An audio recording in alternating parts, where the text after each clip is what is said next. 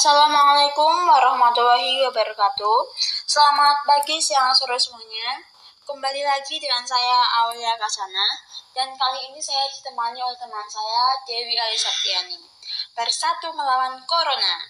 Pemerintah telah memutuskan melakukan desentralisasi rapid test dan mempersiapkan infrastruktur pendukung, yaitu rumah isolasi dan rumah sakit.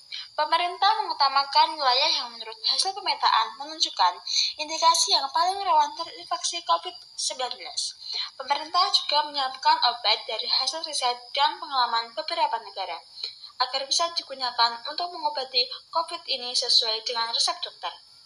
Presiden akan menggerakkan seluruh kekuatan pemerintah serta kekuatan negara dan bangsa untuk mengatasi kesulitan ini baik permasalahan kesehatan maupun masalah sosial ekonomi yang mengikutinya.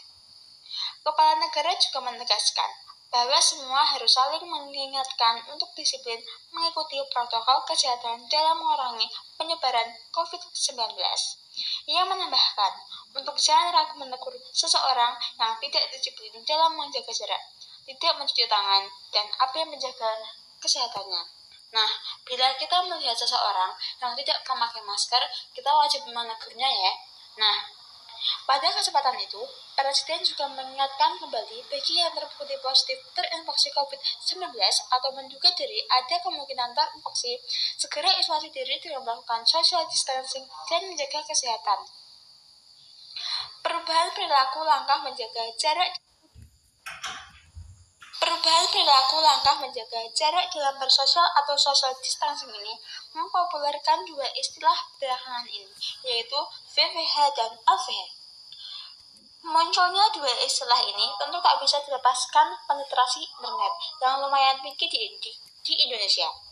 Dari jumlah penduduknya sebesar 272,1 juta jiwa, Indonesia memiliki pengguna internet mencapai 175,4 juta, di mana sekitar 160 juta di antaranya aktif bermedia sosial di tahun 2019. Data WR Sosial 2020 yang dikeluarkan Hootsuite menyatakan smartphone menjadi andalan bagi masyarakat Indonesia untuk mengakses internet. Selama work from home, aplikasi seperti Zoom, Slack atau WhatsApp makin akrab digunakan untuk berkomunikasi. Sementara platform Ruang Guru, Zenius, dan Kuipar bisa diandalkan agar anak tetap belajar di rumah. Ya seperti sekarang ini ya, kita belajar dari rumah ya, seperti istilahnya PJJ, pembelajaran jarak jauh. Ya semua orang juga begitu. Trafik naik Kementerian Komunikasi dan Informatika atau Kominfo mengungkapkan, berubahnya perilaku masyarakat menjadi bekerja dan belajar dari rumah membuat operator telekomunikasi mengalami kenaikan trafik data di wilayah-wilayah pemukiman.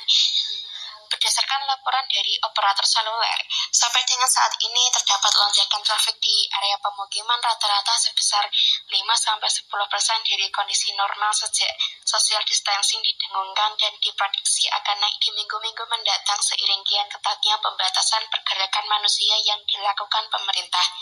Hal yang harus diingat Kenaikan trafik ini belum tentu menjadi stimulus bagi operator, karena selama ini masih dihantui efek gunting di era data di mana beban dan margin dalam menyelenggarakan layanan internet belum ideal di Indonesia. Beban operasional operator di Indonesia masih besar. Misal untuk frekuensi bisa mengeluarkan biaya hak penggunaan atau BHP minimal sebesar 1,2 triliun rupiah. Belum lagi sumbangan Universal Service Obligation atau USO yang dipotong 1,25 persen dari total pendapatan setiap tahun. Harap diingat, dua kewajiban itu tetap harus dibayar, tak peduli operator untung atau rugi.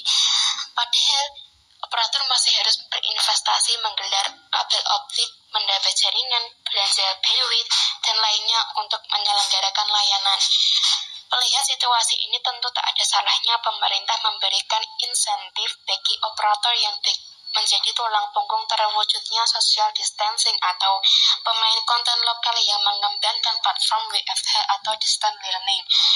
Pemerintah harus berani memberikan insentif yang langsung dirasakan manfaatnya bagi operator atau pemain konten jika ternyata kondisi status bencana darurat tak selesai dalam hitungan 60 hari. Saat ini boleh saja pemerintah meminta pelaku usaha untuk memberikan subsidi ke pelanggan atas nama Corporate Social Responsibility atau CSR. Namun jika terlalu lama pebisnis menanggung subsidi tanpa stimulus tentu bisa berdampak ke kinerja keuangannya. Saatnya negara untuk berhitung kemampuannya dalam melindungi kepentingan pelaku usaha dan masyarakat secara bersamaan agar ekonomi tetap berdenyut pasca wabah COVID-19 menghilang. Segala upaya yang dilakukan oleh pemerintah tersebut harus kita patuhi, patuhi bersama agar kasus corona ini bisa berkurang. Kita harus mempunyai kesadaran yang tinggi dengan adanya pandemi ini, yaitu dengan melindungi diri sendiri, keluarga, dan juga orang lain. Ya, patuhilah protokol kesehatan, yaitu selalu memakai masker, mencuci tangan, dan menjaga jarak, serta menghindari kerumunan. Dari sini kita semua mempunyai tanggung jawab bersama sebagai masyarakat Indonesia untuk saling menjaga dan melindungi agar pandemi ini segera berakhir. Satu, kita melawan corona. Sekian podcast dari kami. Terima kasih dan Assalamualaikum warahmatullahi wabarakatuh.